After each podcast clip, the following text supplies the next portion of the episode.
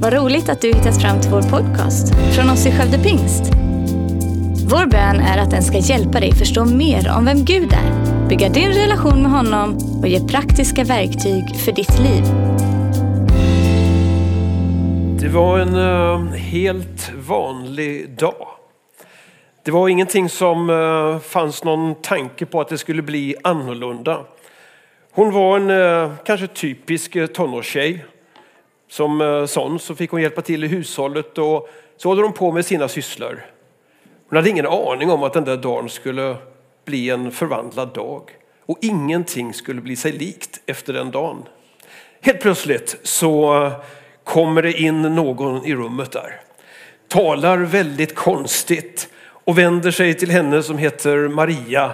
Och så säger han eh, på något språk som kanske inte alls en tonårstjej säger. Var hälsad, du högt benådade, Herren är med dig. Ängeln kommer till den här tonårstjejen. Vi kallar den här dagen i kyrkoåret för Jungfru Marias bebådelsedag. Och bebådelsen det innebär att ja, det var det ögonblick när hon fick ett budskap. När hon fick reda på att hon var utvald för att göra en speciell tjänst för honom. Det här inträffar ju egentligen då den 25 mars, men vi brukar uppmärksamma det då i kyrkorna den söndag som ligger närmast. Och den här ängeln, han kommer och säger till henne att eh, ja, det där ska kunna ske. Nej, men säger hon, hur ska det kunna ske? Och då säger han så här, ingenting är omöjligt för Gud. Och så säger hon så här, jag är Herrens tjänarinna. Må det ske med mig som du har sagt. Det bibelord som eh, man använder då om man följer eh, kyrkårets texter ifrån eh, Jesaja. Det handlar om då en hänvisning till det här och det står i Jesaja 7 så här. Då ska Herren själv ge er ett tecken. Den unga kvinnan är havande och ska föda en son och hon ska ge honom namnet Emanuel, Gud med oss. Jesus skulle komma till världen som ett tecken. Och vi ska stanna idag en stund inför det här ordet tecken, men gå till Johannes evangeliet och ta del av vad Johannes säger i det sammanhanget. Men själva tecken, det här ordet, det handlar om att det är en slags visare, alltså någonting som pekar på någonting annat. Det är inte det som är själva det som händer som står i centrum, utan det är någon slags symbolik. Det är en tanke, någonting ska utvecklas för att visa på att det är någonting annat, någonting mer som finns där. Och vi använder då det här ordet tecken, eller Johannes rättare sagt använder det. Vi har en vision för vår kyrka. Den här visionen det handlar om att vi vill, eh, vara, vi vill ha en beskrivning, en slags text, en berättelse om hur vi skulle vara en sån kyrka som människor längtar efter att få ta del utav. Och den här visionen den avslutas så här och det står att vi vill vara en kyrka som existerar för att hjälpa människor fram till ett förvandlat liv i mötet med Jesus. Ett förvandlat liv. Och det är det som tecknen som vi ska gå igenom idag handlar om. De här tecknen de visar på Jesu gudomlighet och de är där för att stärka vår tro och för att ge oss liv. Om vi då börjar eh, en liten vandring genom Johannesevangeliet så inleder vi ifrån slutet utav Johannes och där är rubriken slutord. Och det står så här. Också många tecken som inte har tagits med i denna bok gjorde Jesus i sina lärjungars åsyn. Men dessa, och de är sju stycken, de har upptecknats för att ni ska tro att Jesus är Messias, Guds son och för att ni genom att tro ska ha liv i hans son. Det finns eh, två perspektiv på detta som jag skulle vilja stanna inför idag. Det ena är ordet tro och det andra är ordet liv. Och tanken är då att när vi tar del av de här tecknen, när vi möter det här vad Jesus har gjort, när vi ser de här förvandlade liven ihop med Jesus, så ska det här kunna föda tro i våra liv. Och det ska också resultera i ett annorlunda, i ett förvandlat liv. Eh, de här eh, orden då, eh, tro till exempel då, man går till Hebreerbrevet 11 så står det där att tron den är själva grunden för det som vi hoppas på. Den ger oss visshet om det som vi inte kan se. Eller i 1917 års översättning, en tidigare översättning, så stod det så här att tron den är en fast tillförsikt. En övertygelse om ting som man inte ser. Eller tron en övertygelse om det man hoppas. En visshet om ting som man inte ser i folkbibeln. Det här att tro, ja det handlar om tillit. Det handlar om förtröstan, att kunna lita på en Gud som bryr sig och tar hand om oss. Jag har kommit till den eh, åldern i mitt liv att mina barn de förser mig med barnbarn. Och det kommer sådär nästan en varje år nu. Och eh, jag tycker det är jättekul att få med mig barnbarnen. En av dem han heter Leo. Och han kan väldigt många saker och en sak som han är väldigt duktig på det är att klättra i träd. Han älskar att klättra i träd och häromdagen, det var fortfarande snö på marken, så var han hemma och skulle åka iväg och sa så här, morfar jag drar ut i trädgården lite. Och så går jag ut i trädgården och så när jag går där så säger han, hej då morfar, så tittar jag upp och högt upp i äppleträdet, där sitter han. Det där äppleträdet, det kan han klättra i ordentligt. Men han kan alltså inte gå förbi ett träd utan att utmana sig och klättra upp. Sjuåringen klättrar jättegärna uppåt. Men så kommer ett ögonblick när han ska ner också. Och det är då som han ropar på morfar. Och jag har gett mig upp i många träd. Och så får jag säga till Leo så här, Leo släpp taget om grenen nu för han håller det krampaktigt. Och säger lita på mig, jag tar hand om dig. Eller ibland har det till och med varit så att jag inte kunnat klättra upp och det har sagt så här, Leo hoppa ner, du får hoppa i min famn, jag ska ta emot dig. Nej morfar jag vågar inte. Leo lita på mig, min famn kommer att ta emot dig. Släpp taget, hoppa. Tack och lov jag har aldrig tappat honom, den dagen skulle vara förödande. Men det där, va? det är en liten bild på det här tron, tillförliten, att kunna lägga sitt liv i Guds omsorg och få vara med att han ska ta hand om en.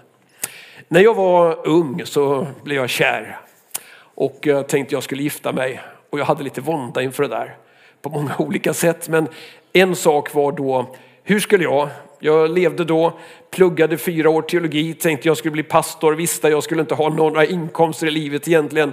Hur skulle jag våga ta ansvar för att gifta mig?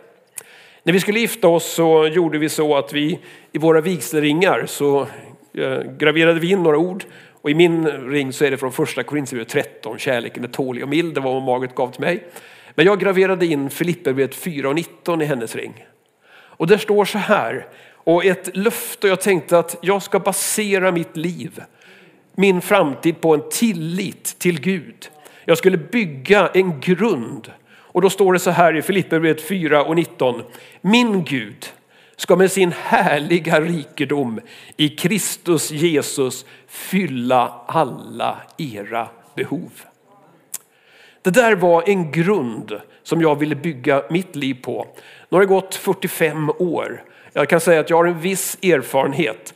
Gud har aldrig svikit. Han har aldrig övergett. Och det är det som när vi går in och tittar på de här tecknen, mötet med Jesus, det ska kunna ge ett fundament, en grund som vi kan bygga våra liv på. Och det andra då, det var ju liv. Och Jesus han använder ofta vardagliga berättelser, liknelser, händelser. Och I Johannes 10 så talar han om sig själv som fåraherde och han beskriver livet mellan fåraherden och, och fåren. Och så säger han där också att det finns en utmaning. Det finns en fiende. Det finns någon som vill komma och förstöra. Och han kallar den för tjuven. Och i Johannes 10.10 10 säger han det att tjuven har några syften med varför han kommer. Och så säger han det att tjuven kommer för att stjäla, slakta och döda. Men jag har kommit. Och så betonar han det här då att jag har kommit för att de ska ha liv och liv i överflöd. Ha de där tankarna, tro och liv i bakhuvudet när vi går in i texterna om de här tecknen som Jesus då beskriver. Och vi ska göra en liten botanisering i Johannes evangeliet och ta del av detta. Och det första tecknet, alldeles då i början utav eh, Jesu eh, tjänst när han kommer ut i, i det som han egentligen var tänkt för. Han är på ett bröllop i Kana. Det är fest, det är glädje. Judarna de älskar fest, gemenskap, stämning och det är precis det som alla vi längtar också efter nu i den här sociala distansens situation. Men här är det då fest. Ofta varade festerna i flera dagar och Jesus är där med sina lärjungar. Man tror att det var fem av dem som var med. Och så står det då tydligt här att Maria var där. Och här kommer Maria in i fokus igen. Det har gått ungefär 30 år sedan det där första tillfället. Och så är de då på festen, ska glädjas tillsammans med det här brudparet. Och så säger Maria helt plötsligt till Jesus, de har inget vin kvar. Det är slut på vinet. Mycket märkligt påstående egentligen och Jesus han funderar till henne så här, vad, vad har det med mig att göra? Och säger lite hårt till henne att du, du på modern svenska skulle man säga så här, morsan lägg av, det där är inget ansvar för mig. Ungefär någonting sånt säger han till henne i det här ögonblicket. Men hon bryr sig egentligen inte om vad han säger, för hon vet det. Att hon har fått ett löfte ifrån Gud att den där sonen en dag ska träda fram. Han ska komma ut i sin tjänst och hon har väntat på detta. Samtidigt så är det många som också sett ner på henne hela livet. Därför att det här var ju då ett så kallat utomäktenskapligt barn som kom till. Och säkert var det också en upprättelse som hon längtade efter. Att få visa att den där sonen, han är mycket mer än ett vanligt barn, en vanlig man. Och så liksom pushar hon honom. Och det är så skönt för de där människorna som pushar oss. Tänk att till och med Jesus behövde ha en sån som knuffar in honom in i hans tjänst och så är det hans mamma som finns med där. Underskatta aldrig din mamma. Och så, hon bryr sig egentligen inte om vad han säger utan hon går till tjänaren och säger så här, gör vad han säger. Och sen lite senare så säger han så här, fyll de här stora krukorna med vatten. De där krukorna, de var för reningen. Den rening som ett judiskt hem skulle gå igenom. Ibland var det till och med möblerna, men ofta var det då tallrikar, porslin och, och dagliga saker som var. Du vet också det att när man kom in i ett judiskt hem så skulle man också tvätta fötterna och därför behövde man ha mycket reningsvatten tillgängligt. Det märkliga nu är inte att vattnet blir förvandlat till vin. Det är inte det som är tecknet. Eh, även om, om det är det som, som är det som är själva händelsen. Utan det är vad visar det här på egentligen? Vad är själva symboliken? Vad vill Johannes säga med detta? Och varför gör Jesus det här tecknet? Jo, den här reningen som judarna stod för, det var en yttre rening. Men bilden av vinet och i den judiska världen så är vinet någonting som skapar glädje, som skapar gemenskap och någonting som man ser som positivt. Och det var det som var att Jesus säger det, att det är inte det yttre som är det viktiga, utan det är det här när det kommer in någonting. När det kommer in någonting i våra liv och vi får vara med om förvandlade liv. Jag har lite svårt ibland att förstå varför Jesus gjorde gjorde vin.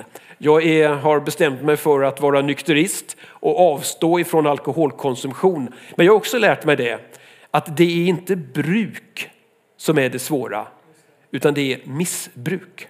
Och i det här fallet så var det här ett tecken på att Jesus ville ge en enorm glädje. Han ville komma med någonting och det här visar på också då hans gudomlighet och att han ville vara med och uppenbara sin härlighet. Och det står så då i eh, den elfte versen här att eh, eh, så gjorde Jesus det första av sina tecken, det var i Kana i Galileen. Han uppenbarade sin härlighet och hans lärjungar trodde på honom.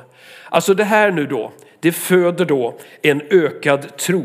Det är någonting som gör att han uppenbarar sin härlighet. Han kommer till dem och visar på att han är mycket mer än en vanlig människa. Det andra tecknet, det handlar om en eh, man som eh, då är i kunglig tjänst. Och han har en grabb som är sjuk. Och den här eh, kungliga tjänstepersonen då, en ämbetsman, han är troligtvis väldigt rik. Han har stora möjligheter att få ta del av kunskapen i det som läkare kunde göra. Men eh, han är i en situation där ingenting kan hjälpa den här grabben där hemma som är sjuk. Och så kommer han då, Jesus har varit en, en sväng nere i Jerusalem och så kommer han tillbaka till Galileen och den här mannen han bor i, i eh, Kafarnaum och Jesus är nu i Kana.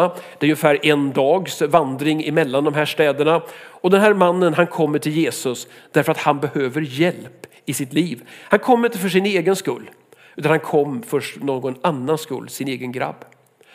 Det som han trodde det var det att för att Jesus, som ju var känd nu, han hade gjort flera under. Att det var nödvändigt att Jesus var i en fysisk närvaro. Den här ämbetsmannen säger, du måste komma hem till mig. Du måste liksom lägga dina händer på min grabb. Du måste hjälpa till på det sätt som du brukar. Han bestämde hur helandet skulle gå till. Men Jesus visar att det är inte några speciella metoder det handlar om. Jesus kan förvandla även på distans. Man behöver inte vara närvarande. Det behöver inte vara någon som idag, någon mäktig evangelist som kommer med någon helbrägdagörelsens gåva, även om jag tror på att det finns sådana. Utan där du är idag, i din situation, där kan du, precis som den här mannen fick uppleva det, att ett helande kommer in. Och mötet med Jesus, det är det som är med och förvandlar liv. Det tredje tecknet, då Jesus, alltså Jesus går omkring hela tiden. Nu är han tillbaka i Jerusalem. Och vi läser då om eh, en sjuk man vid Betesda. Och den här mannen, han har varit, eh, vi uppfattar det som att han har varit lam. Det har varit en lång tid i hans liv, 38 år beskrivs det då, att han har varit sjuk. Och när han då sitter där i en, eh, nära en damm i Jerusalem så händer det någonting med vattnet och då när de rusar ner i vattnet så kan en del människor uppleva då att de blir helade. Och den här mannen han eh, sitter där och så kommer Jesus fram till honom. Och Jesus ställer den konstigaste fråga som jag kan tänka mig. Han frågar honom så här, vill du bli frisk? Vill du bli frisk? Det är väl självklart att den här mannen skulle säga ja på en sån fråga. Men kanske är det så här, och tyvärr så säger också vår erfarenhet idag att det finns för en del människor någonting som kallas för sjukdomsvinst och som är någonting väldigt egentligen olyckligt. Vi lever i en tid när ofrivillig ensamhet är så enormt stor. Det kanske ingen människa hör av sig överhuvudtaget. Men när man blir sjuk, då hör någon av sig. När, man eh, blir, när det händer någonting i livet, det är då som alla liksom kommer till en och försöker stötta upp på olika sätt. Men i vardagen, i det vardagliga, så kanske man då inte har någon kontakt. Det är det vi kallar för sjukdomsvinst. Jag hörde en eh, man som hade bott i Sverige i rätt så många år, han var från Norge. Och så fick han frågan på ett möte vi hade och så var det någon som frågade så här, du vad är den största skillnaden mellan Sverige och Norge nu när du har liksom bott bland oss svenskar? Och då sa han, ja det vet jag direkt vad det är, sa han. Och då blev vi jättespända. Och då sa han så här, ni är så konstiga ni svenskar. För ni berättar ju aldrig att ni, att ni tycker om varandra, att ni har ett värde. Det kan gå ett helt liv, sa han. Och så har ni inte sagt en enda gång att ni bryr er eller älskar, tycker om varandra. Och sen ordnar ni en stor fest när, när det är begravning. Och på den här begravningen sa han, då tar ni på er fina kläder och ni spelar vacker musik och så håller ni tal, mängder av tal. Och då talar ni om hur mycket den här som nu är avliden har betytt för er i liv. Men det har ni aldrig sagt i livet. Ni svenskar, ni är konstiga. Det var hans reflektion, hans analys. Här är vi nu i Jerusalem, i Betesda. En sjuk man som då um, svarar på den här frågan och säger då så här att han säger egentligen inte att han vill bli frisk utan han säger helt enkelt hur skulle jag kunna bli frisk? Jag har ju ingen som hjälper mig ner i vattnet när det, när det liksom rörs upp här. Det är ju då som jag kan få hjälpen. Och han hade också bestämt sig för hur helandet skulle gå till. Det fanns alltså bara ett sätt att Jesus skulle kunna komma in och det var hans sätt. Och Jesus tänkte någonting annorlunda. Så säger Jesus, det är också sabbat den här dagen. Så säger han bara helt coolt till honom så här. Ställ dig upp 38 år. Stig upp, ta din säng och så gå härifrån. Jesus visar med det här att han har makt över sånt som inte var mänskligt möjligt. Som inte ens den här, alltså han hade inte ens tro för att det här skulle kunna ske. Men det var ändå en vanlig dag, 38 år hade han hållit på. Men den dagen blev en ovanlig dag därför att Jesus kommer in på ett helt nytt sätt. Och det är nu då som också judarna blir så uppretade och det är nu som det börjar frodas en idé att Jesus måste dö. Det fjärde tecknet, då är vi framme vid en händelse när, när ryktena om Jesus har spridits rejält. Och han vandrar omkring och folk de, de bara följer med honom oavsett var han, än, var han än går. Det här handlar om att Jesus mättar 5000 och Johannes är noga med att säga att det är män. Det kan alltså vara barn och det kan vara kvinnor, eller var barn och kvinnor därutöver. Och så är de då vid ett tillfälle och Jesus ställer ytterligare en, en, en underlig fråga. Han vänder sig till Filippos, en av lärjungarna som var från den här trakten. Och så säger Jesus så här, du, eh, var ska vi kunna köpa bröd till alla de här människorna?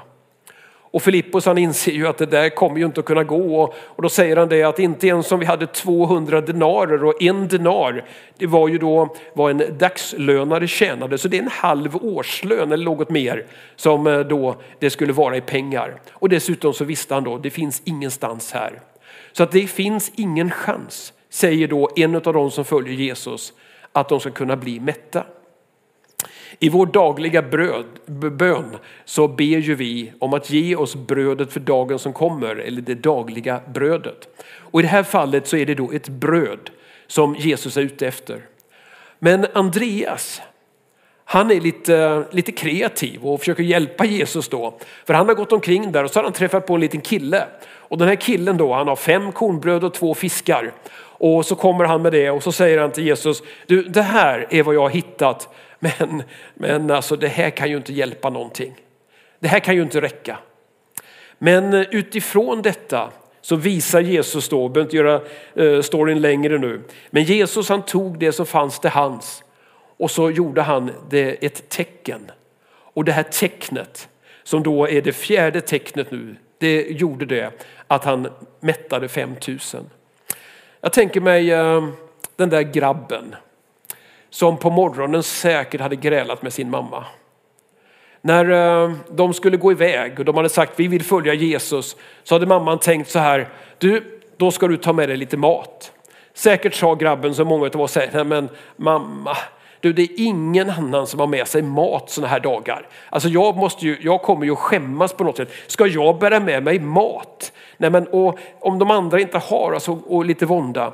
Men den där mammans omsorg, och sen eh, när den här grabben ger det till lärjungen och lärjungen ger det till Jesus så förvandlar Jesus detta och det blir ett tecken som visar på någonting att Gud tar hand om oss. I Johannes evangeliet när man läser grundorden så är det väldigt intressant. I de synoptiska eh, evangelierna, alltså Matteus, Markus och Lukas används aldrig samma ord för tecken som man gör i Johannes. Eh, I de andra evangelierna så pratas det om, om kraftgärningar, om under, om mirakel. Men här betonar då Jesus att det är någonting annat som, som då ska vara. Att det är någonting mer än det där ögonblicket. Och i den 33 versen i sjätte kapitlet i Johannes så står det så här. Att Guds bröd är det bröd som kommer ner från himlen och ger världen liv. Och vid varje sånt här tecken så kan vi se att det skapar tro och det skapar liv. Det femte tecknet, då är vi framme vid att Jesus går på vattnet. Lärjungarna de har kommit ut eh, på sjön, Jesus är inte med dem. Vågorna går höga, det är storm, de är oroliga och så helt plötsligt så kommer han gående på vattnet. Vi vet alla, och de visste ju, ingen människa kan gå på vatten. Det där är ett, en naturlag som är nedlagt i att vatten är inte, eller densiteten av vattenytan är inte så stark att den kan bära en människa. Men ändå går Jesus på vattnet. Kommer du ihåg vad ängeln sa till Maria? Ingenting är omöjligt för Gud. Och mitt i stormen, mitt i plågan, mitt i det här som var oron, när det blåste som mest, då kommer Jesus och så hjälper han de här lärjungarna och visar med det här tecknet att han står över det som är det mänskliga. Det sjätte tecknet, det handlar om en, eh, egentligen en teologisk dispyt. Eh, där är tanken då är att eh, när en människa var sjuk så hade de gjort någonting mot Gud och sjukdom det var ett straff. Det märkliga med den här mannen som det sjätte tecknet handlar om. Vi är tillbaka i Jerusalem igen. Vi är vid en annan damm i Jerusalem. Så var han född blind. Det innebär ju att eftersom han var född i det här tillståndet så kunde ju inte han ha syndat. Och därför så var den här dispyten då, det var ju då, ja är det han eller är det hans föräldrar som har syndat eftersom han har fått det här straffet? Och tanken var då att jag kan liksom inte tillgodogöra mig Gud eftersom jag har någonting som är en belastning för mig. Idag möter vi också människor som säger det att jag kan liksom inte eh, ta del av det här gudomliga för att jag är inte värdig det här. Jag duger liksom inte som jag är. Jag har gjort en massa dumheter. Jag har gjort en massa elände. Gud kan väl inte bry sig om mig? Jag som är en sån eländig människa som har gjort så mycket misslyckande. Men då kommer Gud och så säger han det att alla människor har ett värde. Ett lika, ett okränkbart och ett absolut värde. Och att alla har möjligheten att få en upprättelse. Alla har möjligheten att kunna få ett förvandlat liv. Och den här mannen, Jesus gör någonting konstigt tycker vi. Han spottar på marken, formar en deg och så säger han gå ner i Siloadammen där och skölj av dig. Och mannen gör detta och så öppnas hans ögon. Och Jesus visar att han står över de här krafterna. Att även då en som var född blind har en möjlighet att få kunna se. Det sjunde tecknet det handlar då om att en av Jesu kompisar, en god vän, Lazarus, har dött. Vid det här ögonblicket när eh, Marta och Maria, syskonen, kommer till honom så eh, är han inte död än. Men han, han dör under det. Jesus kommer inte till, eh, till platsen och kommer till dem. Men när han kommer dit så, så är förkrosselsen enormt för att han är död, han är begravd och han har redan legat i graven i fyra dagar. Alla står där och gråter. De saknar Lazarus. Till och med Jesus föll i gråt. Och det här ordet som är då med, med, Jesus då, med just när han gråter, det är ett ord som bara används vid ett tillfälle. Och det var någon särskild sympatigråt för att visa att Jesus då led med de här människorna. Att han liksom hade en enorm empati. Men det var inte bara så att han stannade vid det, att han uttryckte omsorg, kärlek till dem. Utan han upprättar också och uppväcker Lazarus från de döda.